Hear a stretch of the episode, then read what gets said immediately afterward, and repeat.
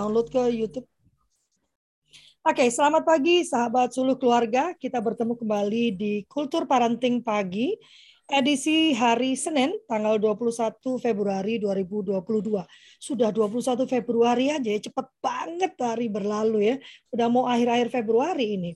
Dan pagi ini uh, saya memilih topik yang menurut saya sangat menarik ya, karena sering kali uh, orang tua itu inginnya itu uh, apa uh, apa namanya cara praktis. Nah, padahal mengasuh anak itu menurut saya tidak ada cara praktis ya, tidak ada cara praktis mengasuh anak gitu ya. Yang ada adalah melakukan runutan-runutan yang perlu kita lakukan berdasarkan uh, tugas tumbuh kembangnya.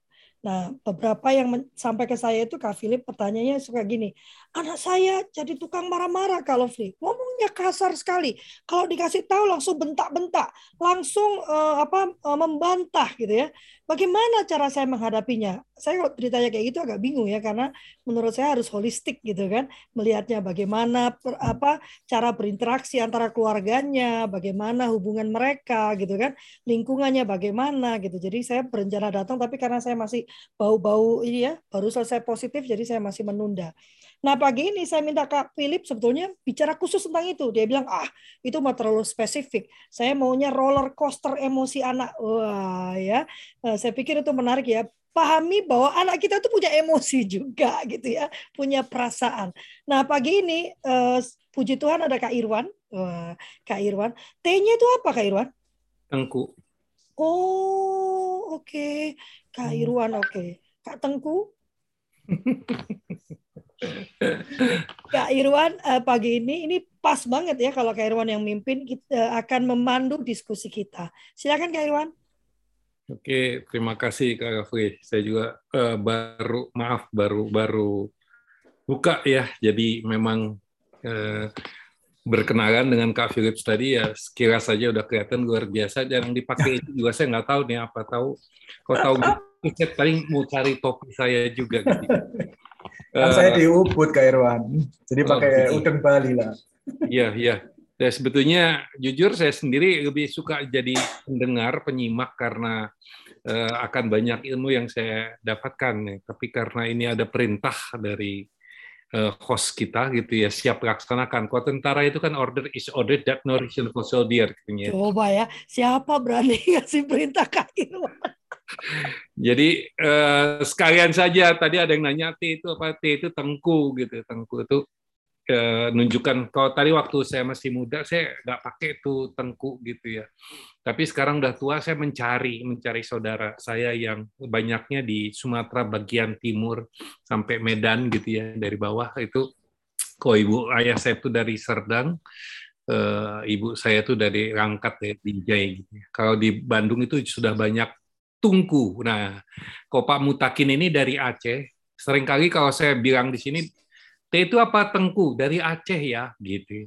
Pak Mutakin tolong dikoreksi saya kalau saya salah. Kalau menurut pengetahuan saya, kalau di Aceh itu Tengku itu Ustadz. Kalau di kami itu Ustadznya itu Tuan Guru. Gitu.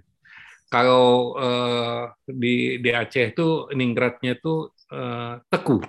Ya itu tentang saya sekarang tentang Pak uh, Kak Philip Yusenda hmm. gitu ya. Ini ini suatu menarik juga seperti kata Kak Gafri karena memang ya memang emotion ya. Saya sendiri tahunya tuh E, e itu ada emotion, ada E yang bergerak gitu ya.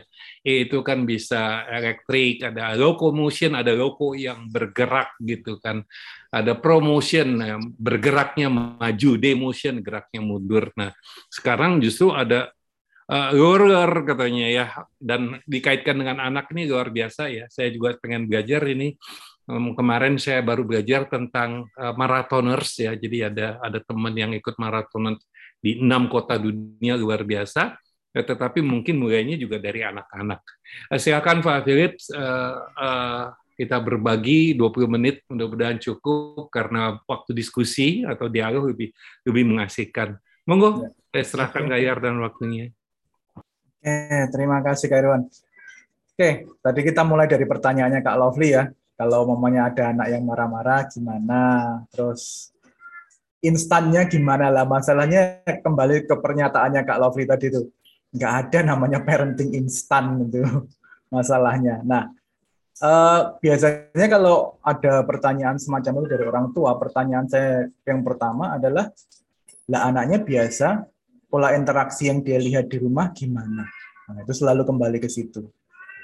Kebetulan ini ada sedikit ada slide, sebentar saya perlihatkan ya. Oke. Oke.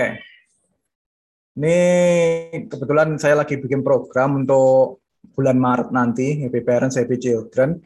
Nah, beberapa poin di dalamnya yang saya mau apa, ulangi dan garis bawahi lagi itu adalah yang poin ini.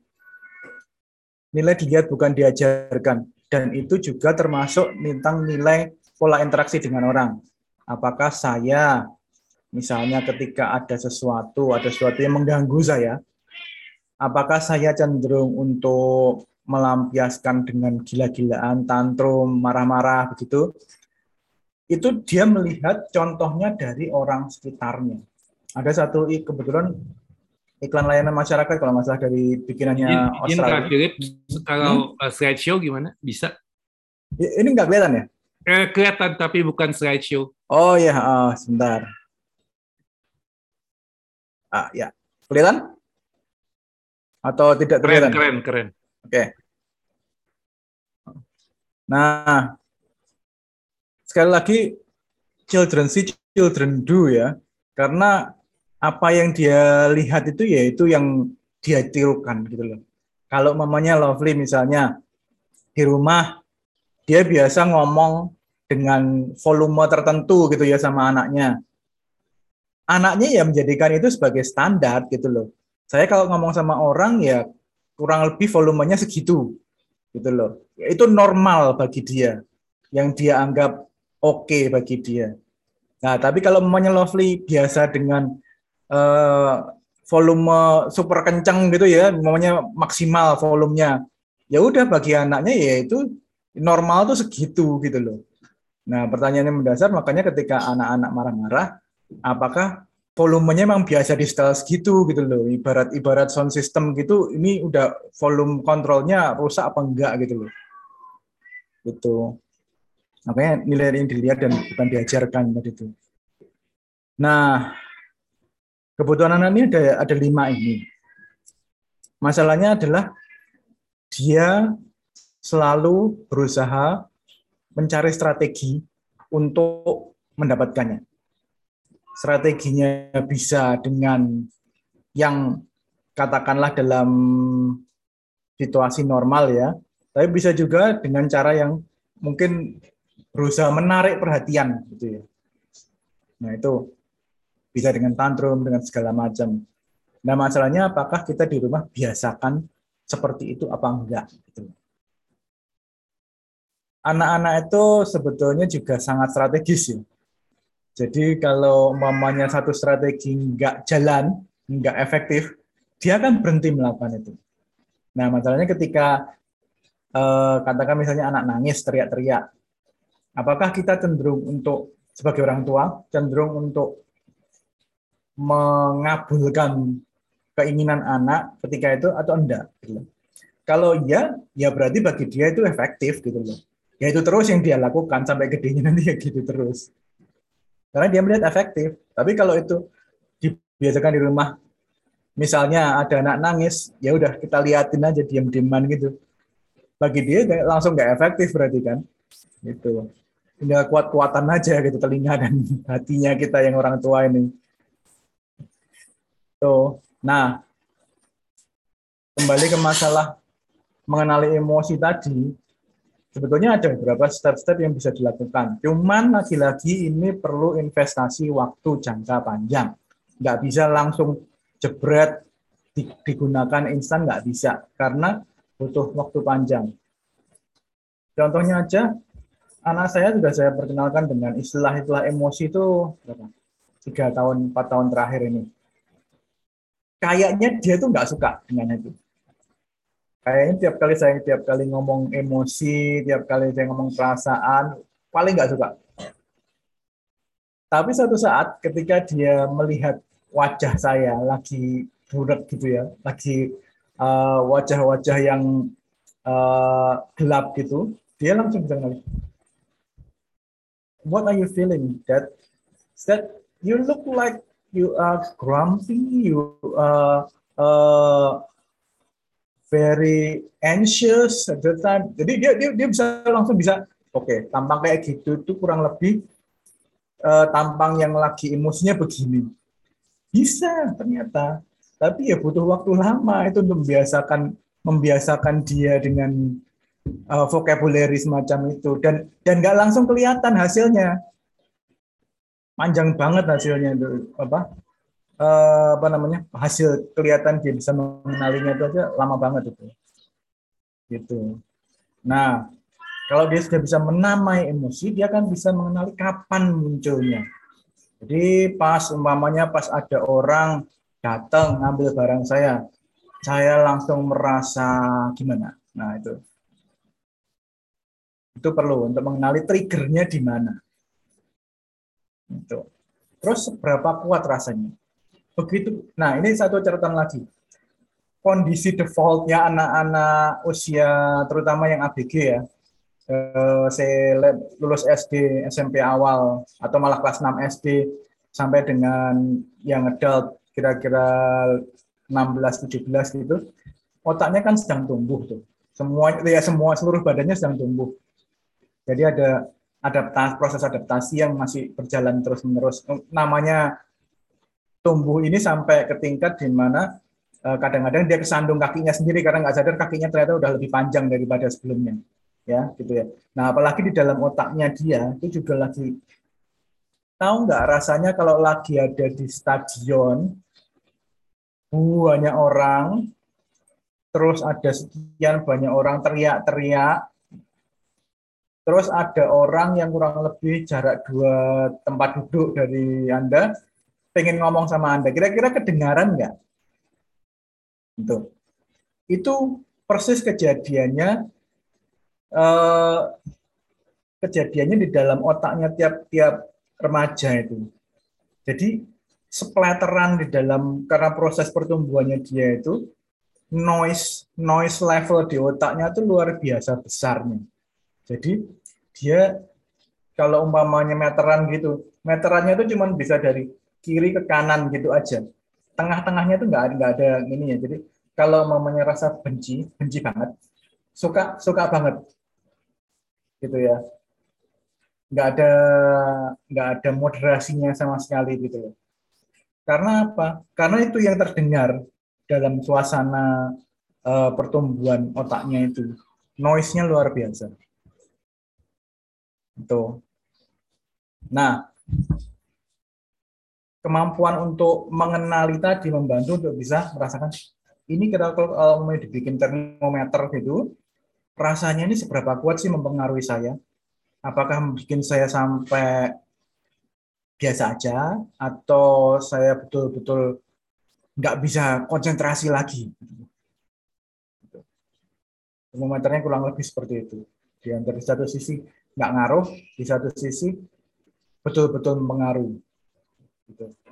Nah, baru kemudian bisa kita ajak diskusi menuju ke poin berikutnya yaitu apa manfaatnya buat hidupku.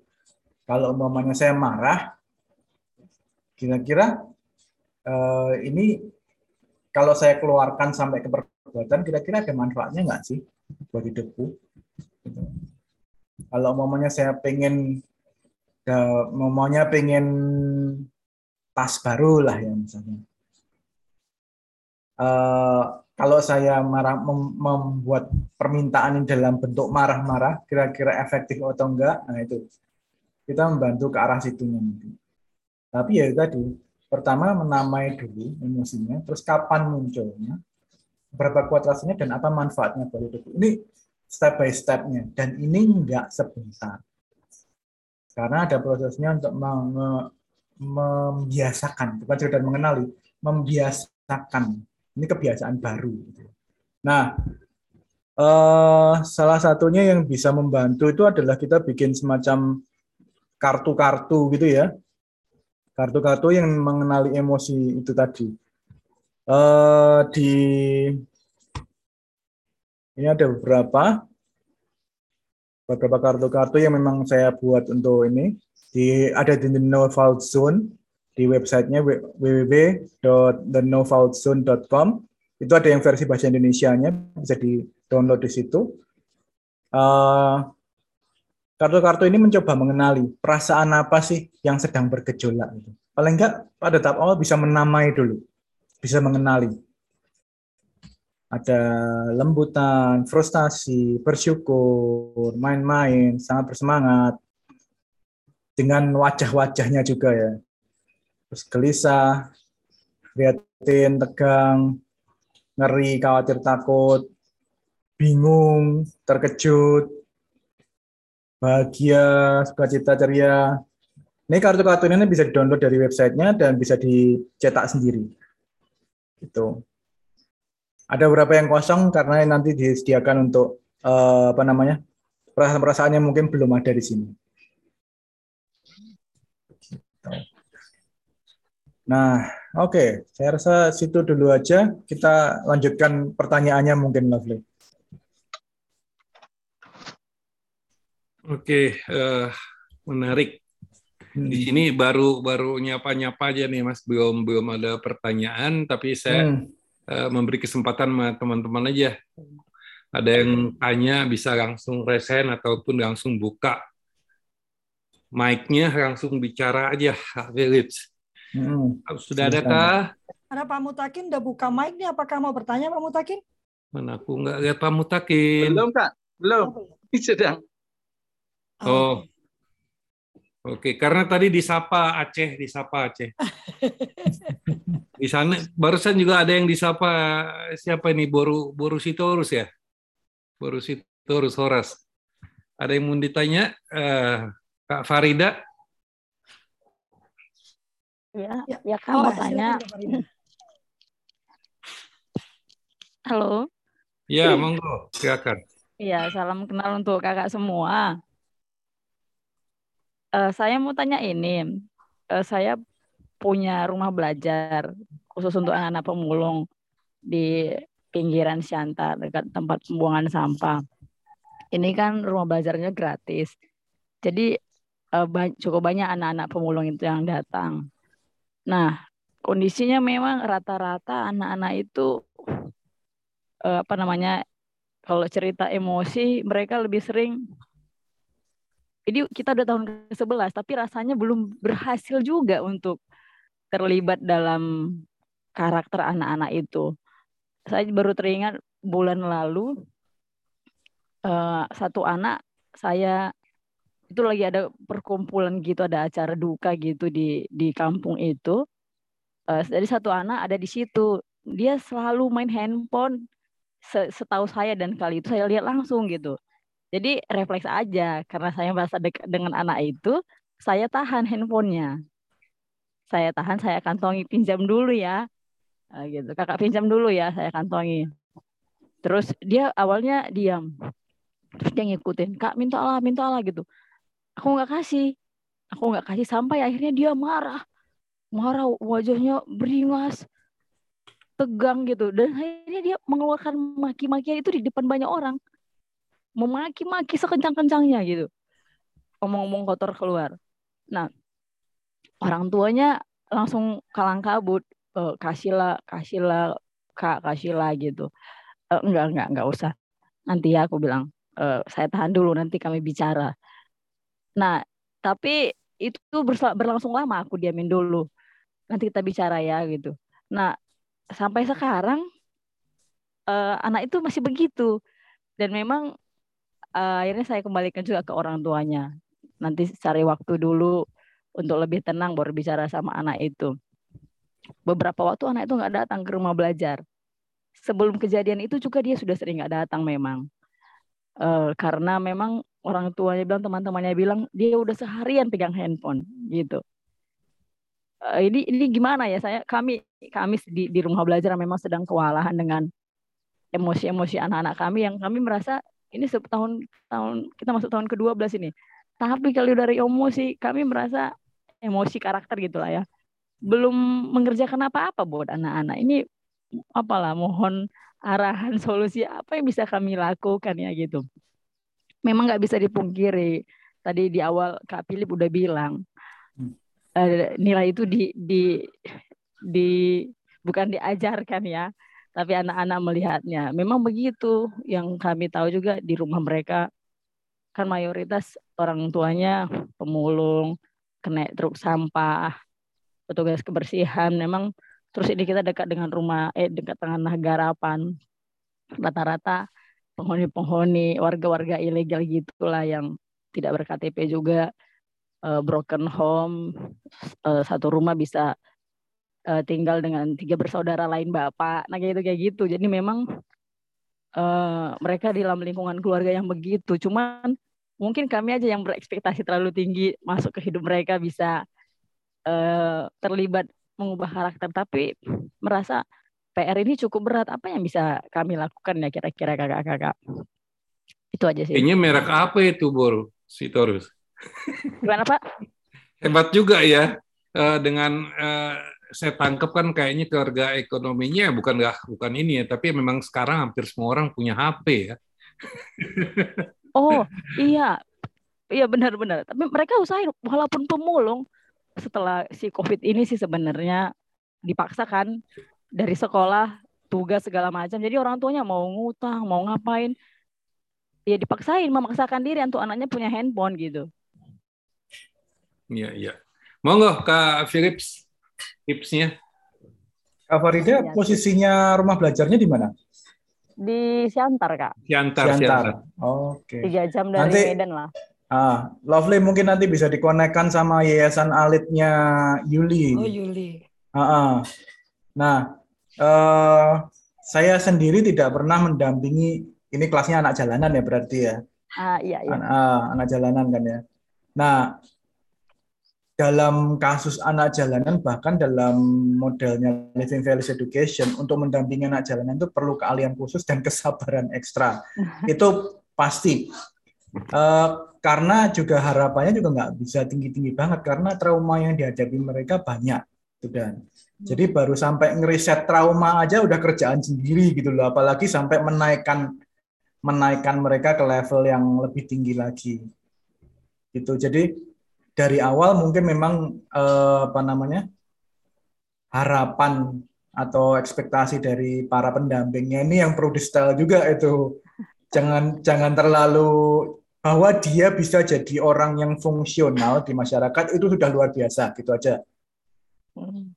Ya, ya, jadi jangan jangan sampai mengharapkan mereka jadi anak yang seperti anak di range situasi normal ya situasi normal dalam arti terpenuhi kebutuhannya, ada yang ada yang menyayangi, ada yang mendampingi. Lah ini anak ini hidup aja udah bagus gitu loh. Iya, iya. Jadi ya. beda beda beda kasus gitu ya. Dan kalau mamanya tadi memang dia melihatnya di rumah dan ini pasti nggak cuma di rumah kan ya, pasti di lingkup ini semacam kampung kumuh gitu ya. Iya, iya betul. Itu. Iya, okay. kampung kumuh. Berarti kan seluruh seluruh Lingkungan. orang dewasa yang ada di situ, terutama saya, saya garis bawahi orang dewasanya, perilakunya ya seperti itu, jadi ya banyak iya. teladannya gitu loh. Itu hmm. yang berat untuk meriset. Bisa-bisanya ya dari para pendamping memberi teladan alternatif ya. ya. Itu.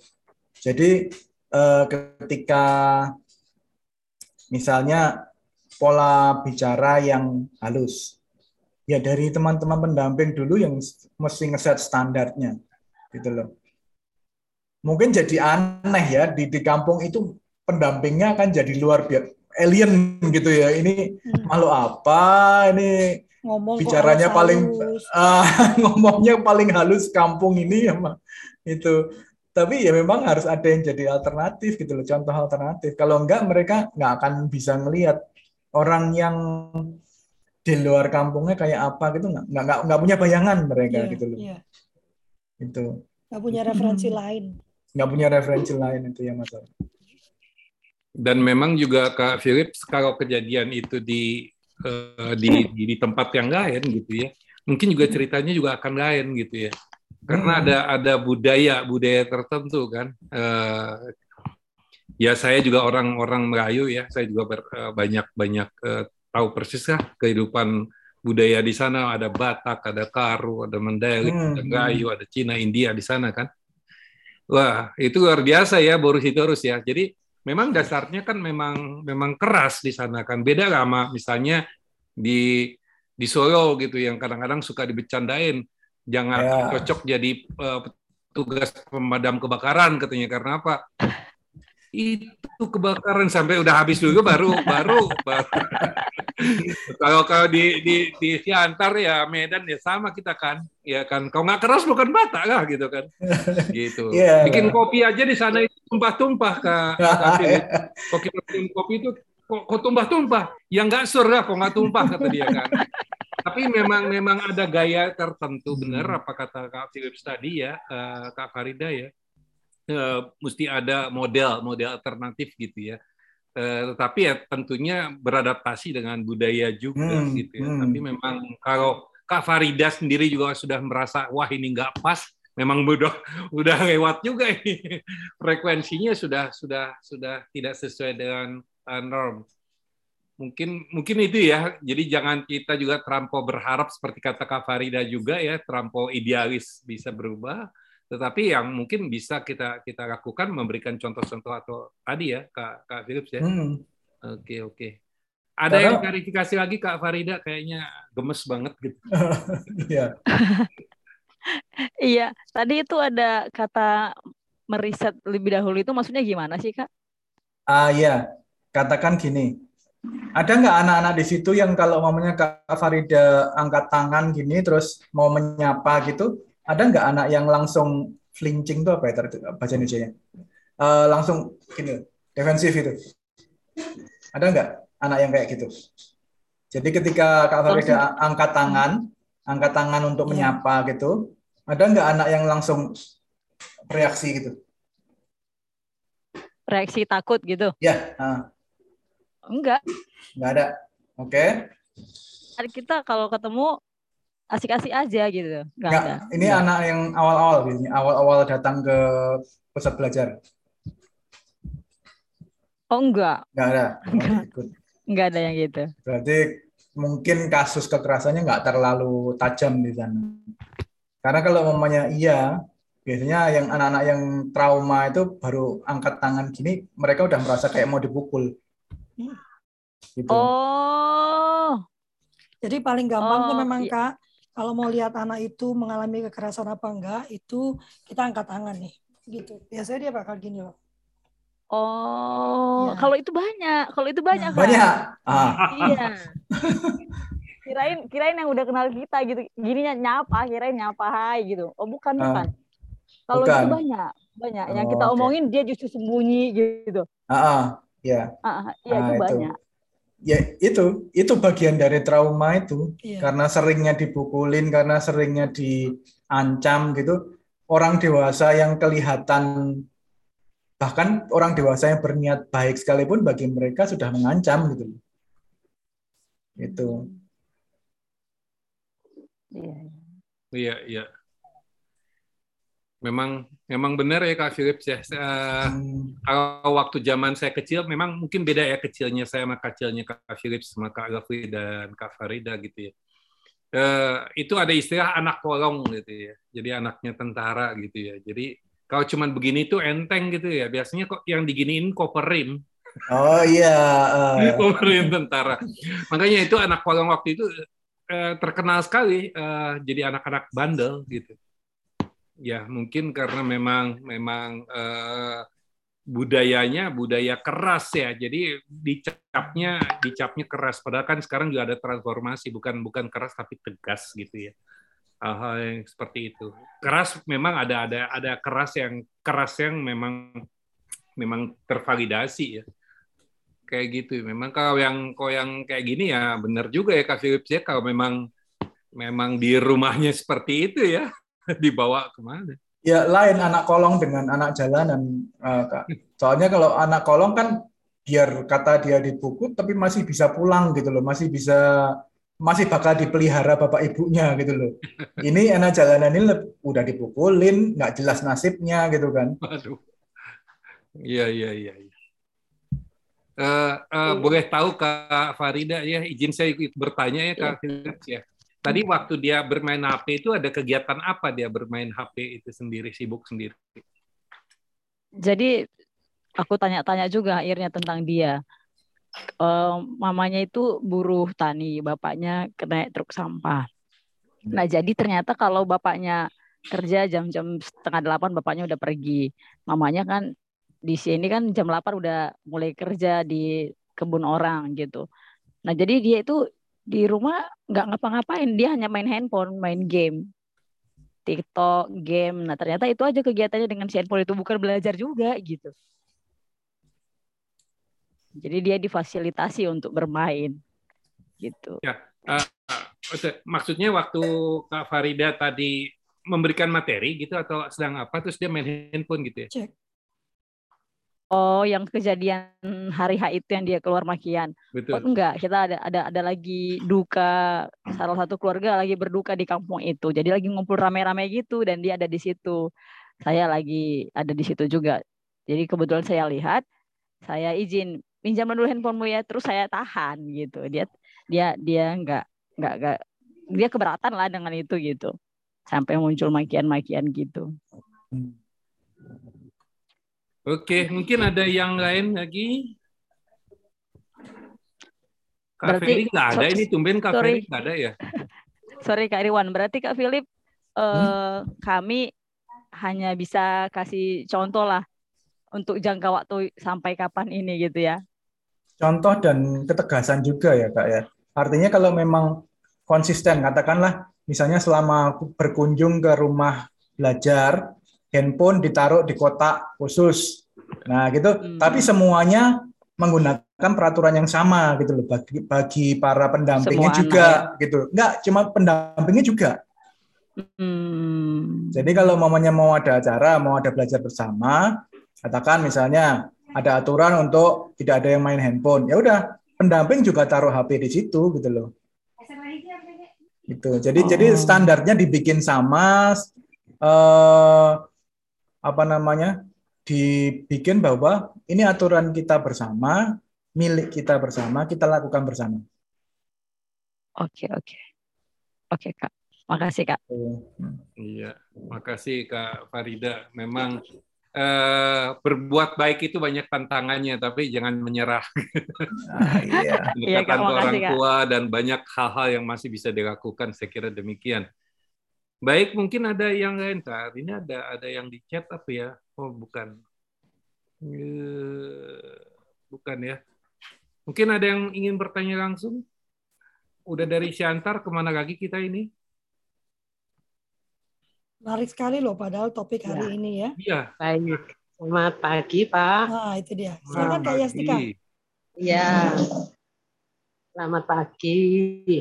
Monggo um, Ya, Uh, saya mau bertanya begini, kalau anak saya uh, kebetulan memang bukan tipe yang uh, meledak gitu ya, tapi justru eh, anak saya umur 11 tahun tahun ini laki-laki uh, dan kami punya saya dan suami punya tipe pendekatan yang berbeda gitu. Kalau saya memang uh, saya sering ngajakin dia bicara gitu apa. Nah, yang ingin saya tanyakan adalah uh, anak saya ini jarang marah. Tapi ketika dia uh, apa ya ada perasaan tertekan atau kesal atau apa, uh, ujungnya itu nangis gitu. Hmm. Saya tahu kalau dia nangis itu dia marah gitu. Cuma ya saya ajak bicara dia nanti akan lama-lama jadi me, me, apa ya mereda lah gitu.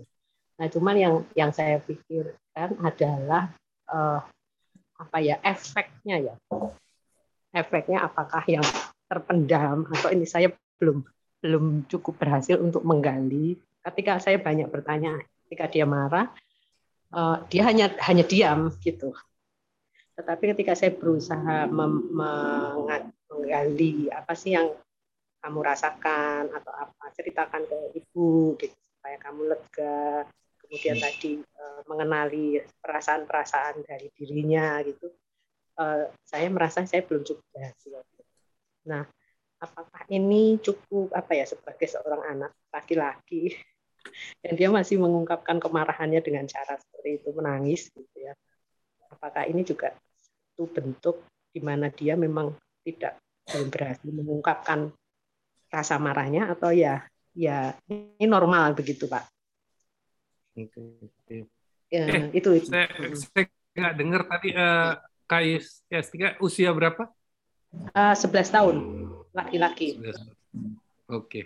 Kesehariannya ya, uh, ceria sih, nggak ada masalah apa-apa ya. Cuma itu, ya saya overall saya melihatnya, ya dia anak yang manis, nggak banyak ini. Cuma ya itu tadi, ini sebenarnya ada yang dia pendam nggak ya gitu. Ada, ya saya belum berhasil menggali sampai ke sana.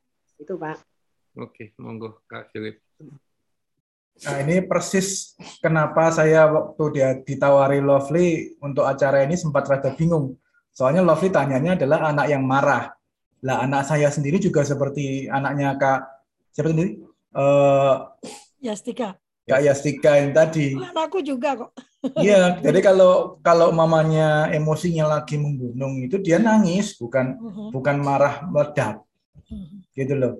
Dan Ya kalau saya saya memang dengan cara ya uh, ngobrol gitu loh. Dan ngobrolnya itu ter konsisten gitu ya maksudnya ya. Banyak dan konsisten karena memang dia butuh uh, di balik kediamannya, di balik ketika dia lagi diam, ternyata buahnya ide-ide yang harus dia keluarkan gitu loh. Dan keluarnya ya ke saya gitu loh. Ya udah dengerin aja. Gitu. Dan itu termasuk dengan segala sesuatunya. Ketika katakanlah dia lagi sebel dengan kebetulan sekolahnya sekolah online, jadi terus uh, sebel dengan gurunya atau ketika kursus tadi bingung atau gimana atau dia melihat YouTube ada sesuatu yang mengganggu dia ya dia ngomongin ke saya semuanya tumpuk jadi satu. Jadi kadang-kadang saya dulu sebentar bentar ini tadi topiknya yang mana ini? Topik A B C. Tadi dari kamu ngomongin anarko komunis terus tahu loncat ke Nazi ke macam. Ini kamu ngomongin game atau ngomongin YouTube atau ngomongin apa? Saya sampai pusing gitu kadang-kadang tuh jadi mesti ada uh, judul topiknya dulunya gitu. gitu. tapi ya memang uh, kita perlu waktu itu dari segi orang tuanya mesti investasi waktu lah ya. Investasi waktu yang rada lumayan karena eh, membangun satu dia perlu bantuan untuk mengeluarkan rasanya, dua dia perlu berlatih untuk ngomong. Karena kadang-kadang ngomong pun lupa gitu loh anak-anak tuh. Saking saking nggak pernah kepakainya. Gitu. Ada kalanya ketika anak saya kelamaan nggak ngomong sama orang gitu juga jadinya uh, tadi apa ya kata-katanya gitu. Terus mikir dulu vocabulary-nya pun agak-agak pusing gitu dia. Apalagi ketika dia harus ngomong dalam bahasa Indonesia. Dia kebiasaan ngomong dalam bahasa Inggris soalnya ya itu Oke. ya pak. Uh, jadi kalau yang saya lihat anak saya memang cukup terbuka tetapi uh, yaitu yang tadi saya lihat untuk masalah-masalah yang pribadi yang berhubungan dengan perasaan terdalamnya itu saya nggak tahu apakah dia masih kesulitan mengungkapkan atau memang dia uh, yang modelnya disimpan saya nggak ingin berbagi hmm. atau apa gitu. Karena kalau saya ajak kalau dia udah dia marah dia nangis sampai anu gitu memang biasanya kami bicara berdua banyak hal. Nanti kalau saya pancing, apa yang kamu rasakan? Kenapa kamu marah? Apa yang bikin kamu marah? Gitu dia biasanya jarang dia bisa ngomong atau kalau dia ngomong ya, ya aku nggak suka. Misalnya apa gitu ya, tidak hmm. sama kok bapak misalnya gitu kan. Saya jelasin gini gini gini. Ya udah dia diem. Apa yang kamu rasakan gitu. Biasanya nanti terus dia banyak diem gitu. Nah, itu tadi apakah ini memang lagi prosesnya gitu. Uh, proses dia membuka pelan-pelan karena memang belum semuanya bisa berhasil dia buka hmm. atau uh, ya intinya apakah ini yang dilak yang saya lakukan se sejauh ini ya ya ya oke lah dilanjutkan aja gitu. Anaknya sudah mulai growth spurt belum?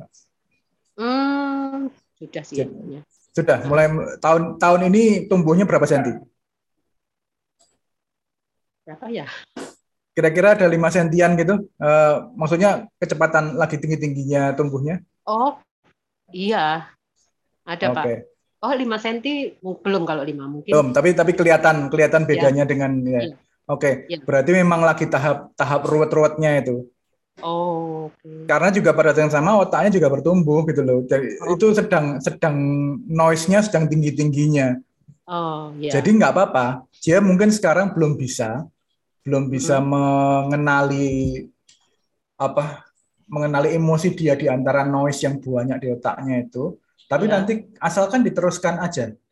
Dibiasakan oh. terus bahwa uh, oke, okay, mengenali perasaan. Terus uh, seberapa banyak perasaan ini mempengaruhi saya. Terus ada gunanya nggak perasaan ini? Tiga pertanyaan ini aja dulu. Ya, ya. Itu terus dibiasakan untuk terus dan juga gunakan misalnya uh, roda emosi yang beberapa kali saya pakai itu, serta kartu-kartu yang emosi tadi ya. bisa dipakai untuk kartu-kartu perasaan atau bikin sendiri aja kartu perasaan pakai emoticon emoticon tuh loh.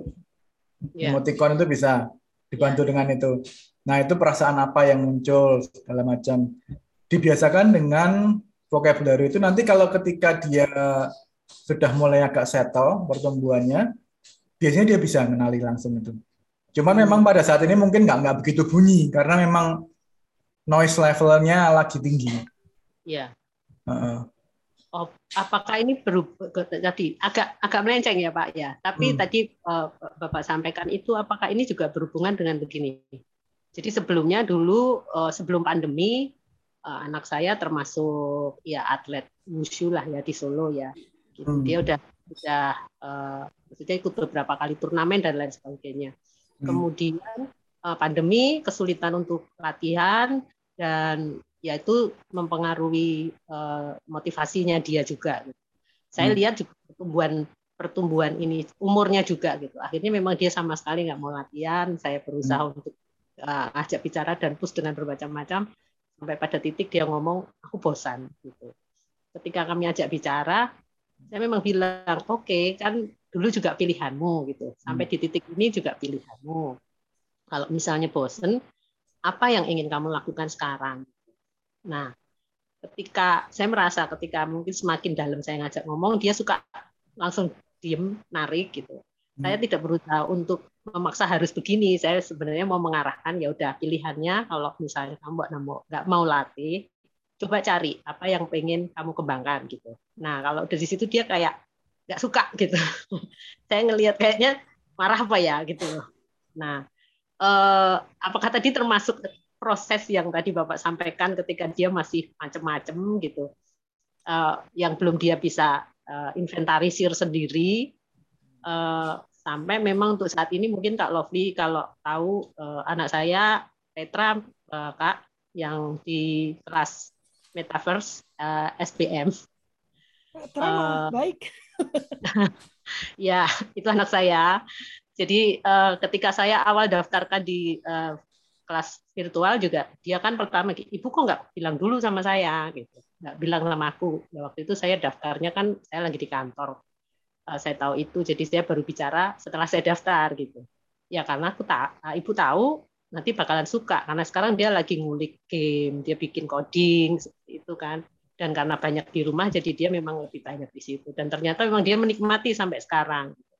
Nah dari situ dia baru ngomong ngomong kalau ya aku suka aku menikmati ini aku itu nah, eh, apakah ini tadi bagian yang tadi bapak sampaikan uh, apa ya kebingungan noise yang dia belum bisa uh, apa petakan itu ya Pak? Kalau menurut saya sih iya. Oh. Karena memang memang sedang waktunya gitu aja. Hmm, hmm. Oke. Okay. Ya. ya. Oke Pak. Terima kasih Pak. Iya. Asal asal tetap diciptakan suasana terbukanya tadi. Kalau sudah hmm, dibiasakan ya. terbuka, ya. ya terusin gitu loh. Iya, iya. Uh -uh. Ya. Nanti bisa. Terima kasih, Pak. Iya, hmm? kasih Kak Yastika. Memang memang eh, ya, kompleksitas masalah individu itu masalah itu memang memang nggak ada nggak ada yang sederhana ya kak. Ya, gitu ya. Eh, kalau saya tadi udah greget juga tapi saya tahan ya. Ini anak keberapa sih? Ada anaknya ada berapa sih? Terus wusunya di mana sih? Karena saya juga ada di sport ya. Apakah dia memahami nilai-nilai Olimpisme nggak sih? Wah itu banyak banyak. Tetapi mungkin di next ya tadi kak kak, kak siapa tuh kak Feni udah naik tangan turun lagi. Kak Feni mana ya tadi? Kak Feni ya? Itu udah, sudah buka kamera. Udah buka kamera, tinggal buka mic, Kak Feni. Ya, makasih Kak Irwan. Uh, saya kayaknya pertanyaannya tadi hampir mirip sama Kak Yastika ya. Uh, cuman anak saya uh, sudah mulai beranjak uh, de, uh, remaja akhir uh, 18 tahun Nah, eh, karakternya ya seperti itu.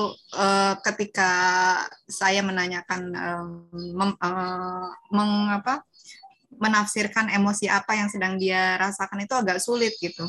Dia tidak bukan tipe anak yang ekspresif ketika dia sedih dia tidak menunjukkan terlalu terlihat gitu sedih murung atau bagaimana dan uh, begitu juga ketika dia merasa senang bahagia uh, itu juga tidak ah, aku senang mah aku ini apa uh, ekspresif gitu.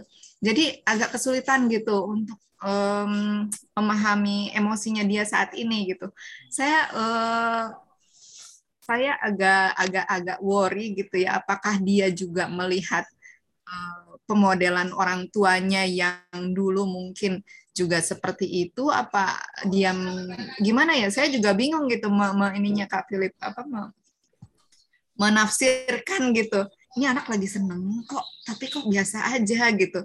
Tapi e, kalau sedih juga gitu. Ya dia diem tapi kamu kenapa? Kalau ditanya e, gimana perasaanmu? Kalau lagi seneng nih gimana perasaanmu? E, biasa aja. Seneng nggak? Ya biasa gitu. Jadi bingung gimana ya Kak Philip? Apakah itu nanti di uh, dewasanya itu akan berubah sesuai uh, berubah sesuai dengan uh, berjalannya waktu dan pengaruh lingkungan dan sebagainya itu gimana ya Kak Philip? Terima kasih.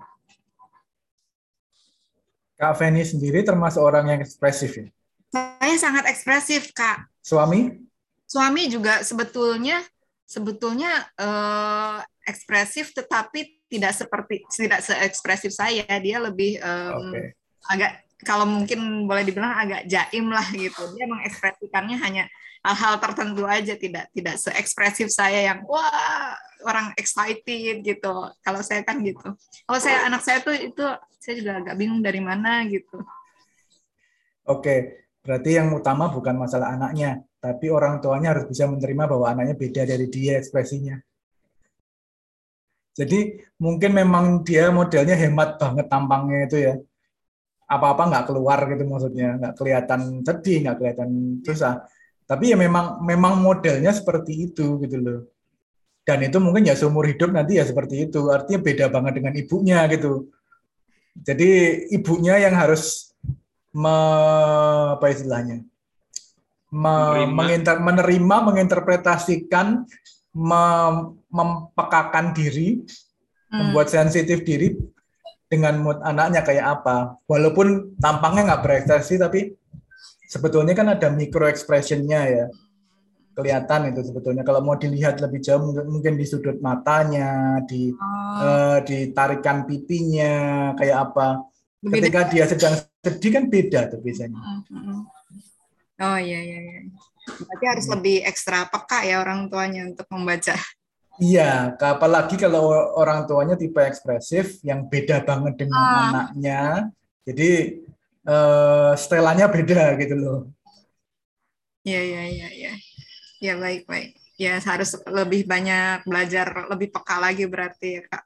Iya memang. Ya baik.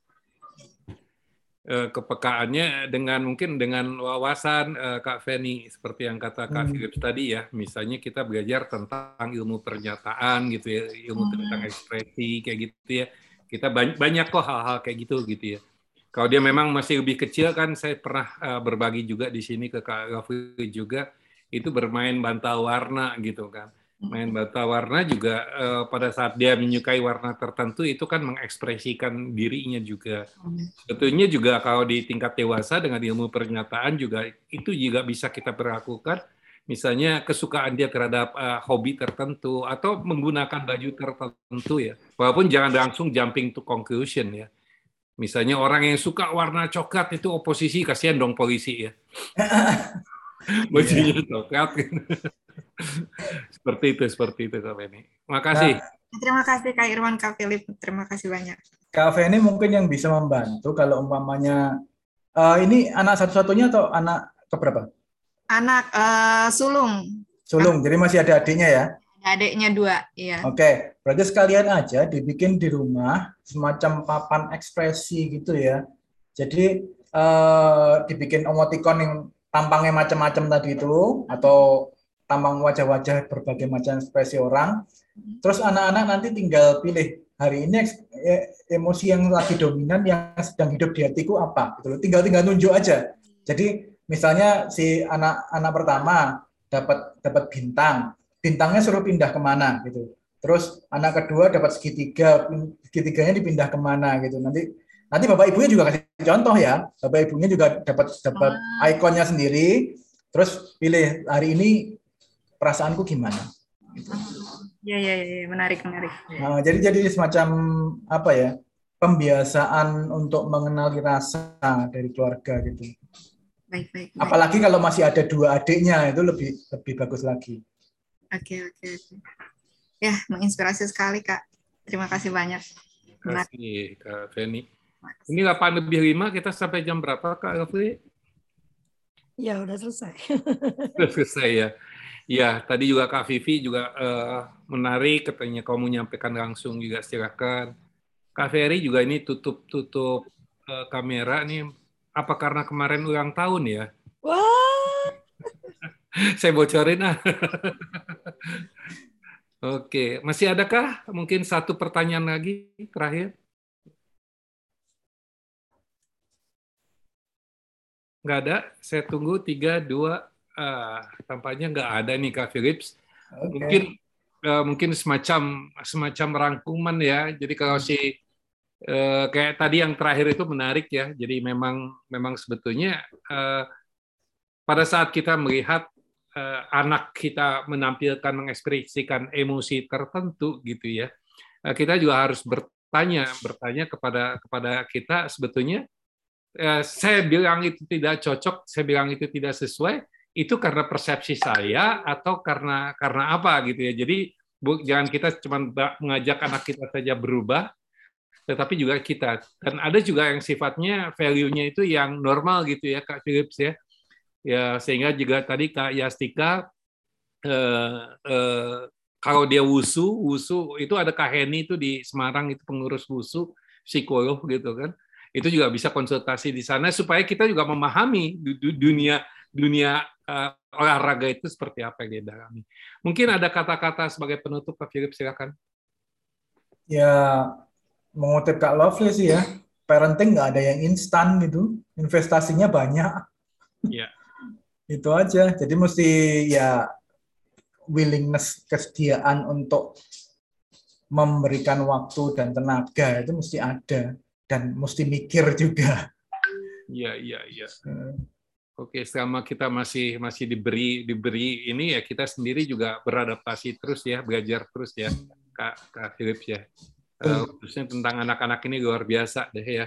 Ya saya sendiri sekarang begitu punya cucu jadi mikir ya, kenapa waktu itu anak gua nggak gini gitu. Tapi ya nggak bisa apple to apple. Oke, selanjutnya kembalikan kepada yang punya nih. Nah, kok yang punya. Ya, ya terima kasih Kak Philip, terima kasih Kak Irwan uh, saya itu uh, apa dua anak saya itu berbeda langit dan bumi ya. Kalau si Raka itu kayak aku, Kak Philip, uh, sangat ekspresif gitu ya, terus seneng ngomong sama orang.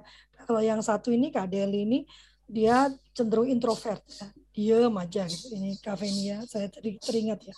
Jadi yang ternyata baru sekarang ini saya temukan nih sama Kak Deli nih, cara saya berkomunikasi heart to heart sama dia itu rupanya lewat WhatsApp. Ya, jadi eh, zaman sekarang tuh kita jangan fokus ke satu channel komunikasi gitu ya. Oh, kalau komunikasi terus duduk. Kalau Deli ini kalau duduk bersamaan, tidak akan ada suaranya dan bikin saya emosi jiwa ya karena ditanya nggak jawab gitu kan.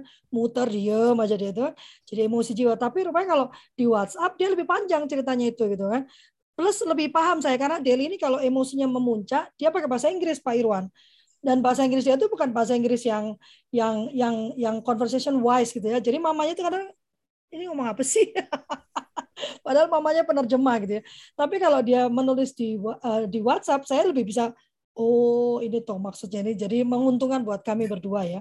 Yang kedua memang eh, yang anak-anak saya itu memang ini ya. Kalau Deli memang dulu masalahnya tantrum ya. Eh, dan eh, kemarin akhirnya dia memutuskan keluar dari pekerjaannya ya mainly karena makin membuat dia tertekan. Saya masih melihat dia marah-marah gitu ya. Eh, sehingga saya bilang hidup itu sebenarnya bukan masalah duitnya ya. Orang cari duit biar damai gitu kan. Kalau bisa dapat damai tanpa itu kan bisa lebih enak ya. Jadi cari damainya aja jangan cari duitnya gitu kan.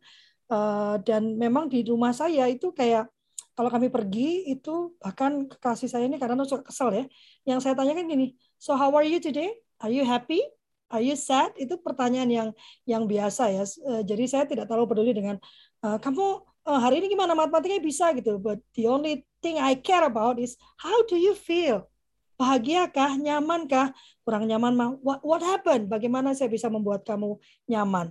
Dan tetap ibunya tetap so ekspresif ya, karena saya mau membuat mereka ekspresif. Jadi so ekspresif. Jadi kalau saya senang tuh saya lebat-lebat gitu ya. Anak-anak bilang, ih mama apa sih? Ini kan menyenangkan. Kamu senang gitu ya. Jadi memang lebay ibunya ya karena memang saya melihat kalau makin dia nggak terbuka, waduh kalau udah masuk ke dewasa muda sulit saya nanti uh, mendampinginya ya. Jadi uh, tetap konsisten dengan apa yang kita mau tapi bukan memaksa, tapi kita mencontohkan. Saya senang sekali kata-kata Kak Philip ya. Konsisten dengan apa yang kita mau. Kalau kita mau bicaranya halus ya konsisten halus. Walaupun dalam kondisi apa pun ah, gitu ya tetap aduh enggak begitulah cara bicara dengan mama gitu ya. Walaupun kita, udah tapi kan nggak gitu juga cara ngomongnya gitu ya. Terus mereka mukanya flat flat aja. Saya mah tetap joget gitu ya. Mama apa sih perasaan biasa aja? Ya menurut kamu biasa aja menurut mama masih gitu ya. Sehingga dia uh, salah satu yang Raka sebutkan dulu, uh, my mother is a crazy mother dia bilang itu. Kalau dulu di di tengah supaya saya terbuka dan saya ekspresif, yang dia lakukan di tengah mall ada lagu yang asik, dia akan joget. Saya pakai jilbab ya, saya, saya joget di tengah-tengah gitu ya. Hanya supaya mereka mau ekspresif. Padahal saya nggak suka joget. Philip kenal saya di kuliah itu kerjanya cuman ini doang pulang pergi pulang pergi nggak nongkrong nggak apa gitu ya. Jadi saya bukan orang yang asik sebetulnya. Tapi dalam rangka membuat mereka ekspresif saya harus berubah menjadi orang yang ekspresif gitu ya.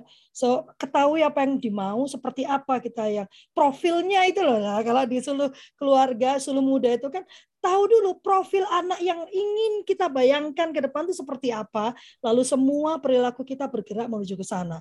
Makanya saya kurang sepakat nih waktu disebutkan parenting itu tidak lagi masuk dalam undang-undang Sistiknas ya. Menurut saya justru harus ditegaskan ya Kak Philip ya. Karena hmm. menjadi orang tua itu usaha sadar dan terencana loh bukan yeah. usaha yang ya punya anak as gitu kan berarti harus pakai feeling pakai intuisi Bukan. Menjadi orang tua itu usaha sadar dan terencana. Jadi harus punya perencanaan apa yang saya mau lakukan, anak saya mau digimanakan, mau jadi seperti apa itu perencanaan bukan oke okay, hari ini mama lagi bahagia, everything is okay. Hari ini mama pusing, diam kamu, jangan bergerak. Bukan seperti itu ya. Jadi itulah kenapa eh, saya sangat terobsesi dengan parenting ya, mengubah paradigma berpikir bahwa ini bukan masalah insting, bukan masalah feeling. Ini sebuah ilmu ya karena parenting itu adalah usaha sadar dan terencana. Terima kasih Kak Philip. Eh, bulan depan saya minta waktu lagi ya. Saya rasa apa perlu dibombardir orang tua ini eh, eh, tentang masalah bahwa ada yang namanya emosi. Kita tuh sering kali mengenali emosi kita sendiri sih sulit, tapi kita minta diakui bahwa kita punya emosi dan tidak mau mengakui kalau orang lain juga punya emosi gitu kan? Ya kan? Jadi ini perlu perlu apa perlu uh, ini Kak Chandra bilang anak belajar dari lingkungan terdekatnya dan sering dilihat serta didengar. Dari sana mereka bersikap dan berperilaku juga berucap. Tetap terus berkomunikasi dan berinteraksi dengan anak agar kenal siapa anak kita seutuhnya. Yes yes. Betul ya. Betul tepat. Kalau Kak Farida menurut saya jadikan tempat Kak Farida itu rumah aman ya Kak Philip ya, rumah aman di mana di situlah dia menemukan keluarga yang dia dambakan. Yang juga saya titip pesan tolong orang tuanya juga dijangkau gitu ya. Dibuatkan acara parenting acara ngobrol ya. Dibuatkan acara untuk mengenali emosi mereka sendiri. Karena kan gitu ya Kak Philip ya. Kita nuntut hmm. orang tua tanpa kita mau eh, memperhatikan dia sedang dalam kondisi apa. Wong dia sama suaminya lagi bermasalah berat gitu kan. Kita minta dia sabar sama anaknya. Ya pusing kan? Ya mari kita temani dia dalam kondisi e-, emosinya juga. Jadi luar biasa kan? Bicara anak itu bicara holistik ya, bicara keluarga. Terima kasih banyak. Kita akan berfoto dulu. Luar biasa loh hari ini sampai 30 loh Kak Philip. Wah. Ya eh, Kak Deli ya. Iya luar biasa ya. Iya. Ya, 17 tahun memang sudah terbentuk uh, apa eh, apa uh, pribadinya ya. nggak apa-apa, pelan-pelan. Hmm. Jadilah sahabat, jangan memaksa terus berbicara, terus bercerita. Nanti dia bingung, kok mamaku cerita terus ya? Kok mamaku terbuka banget ya? Biarkan dia percaya bahwa keterbukaannya pada orang tuanya itu tidak mempermalukan dirinya. Ah, kita suka serupa soalnya, cie cie yang naksir tuh tante, yang lagi naksir tuh kan kita suka gitu kan, cie cie yang habis pacaran tuh. Nah itu selesai sudah kepercayaan anak ya, nggak mau cerita lagi. Itu yang terjadi sama saya dulu. Ayo satu dua tiga hatinya diberikan Kak Deli halaman pertama. Sudah. Oke, halaman kedua Kak Deli. Satu, dua, tiga hati yang diberikan. Ayo, karena kita nggak tahu yang mana, ayo kita beri hati saja. Sudah? Anak Sudah. itu banget itu Kak Farida. Iya Kak Farida. Kak Farida biasanya banyak yang digendong tuh. Mana yang digendong yang bayi? Kak Albert, terima kasih udah muncul lagi. Lama banget. Eh, hilang ini dokter Ferry mana dokter Ferry ini? Dokter Ferry mana? Nah? Ini ada nih, dokter Ferry udah bisa masuk ya. Kemarin protes beliau. Kalau Fli susah sekali maksudnya. Ya mohon maaf ya. Uh, ini kan sudah mulai terbiasa ya dengan cara dua langkah ini ya. Semoga makin terbiasa supaya kita aman ya. Hai KN, waduh banyak sahabat-sahabat lama nih yang muncul kembali. Oke, terima kasih banyak. Kita bertemu lagi hari Rabu. Hari Rabu, hai Dok Pendeta Ilse, sehat? Wah, hari Rabu kita akan bertemu dengan Kak Ika, Laurencia Ika, bicara tentang orang tua anak berkebutuhan khusus ya. Uh, terima kasih banyak. Uh, kami berlima mengucapkan terima kasih atas kehadirannya dan memohon maaf apabila ada pernyataan, perkataan, gestur, sikap yang kurang berkenan. Hai Dokter Ferry, ya kami tidak ingin menghina, tidak ingin merendahkan, tidak ingin menggurui juga. Kami hanya ingin membagikan apa yang menjadi keyakinan kami dan yang kami kerjakan dalam kehidupan kami sehari-hari. Terima kasih, selamat hari Senin. Wassalamualaikum warahmatullahi wabarakatuh. Tuhan memberkati. Sehat-sehat ya, sehat-sehat. Jangan lupa bahagia. Dokter Ferry ulang tahun tuh, selamat ulang tahun. Iya, udah tuh di operat udah ramai tuh Dokter Ferry. Selamat ulang tahun. Aku belum Oke, terima kasih. Saya pamit ya.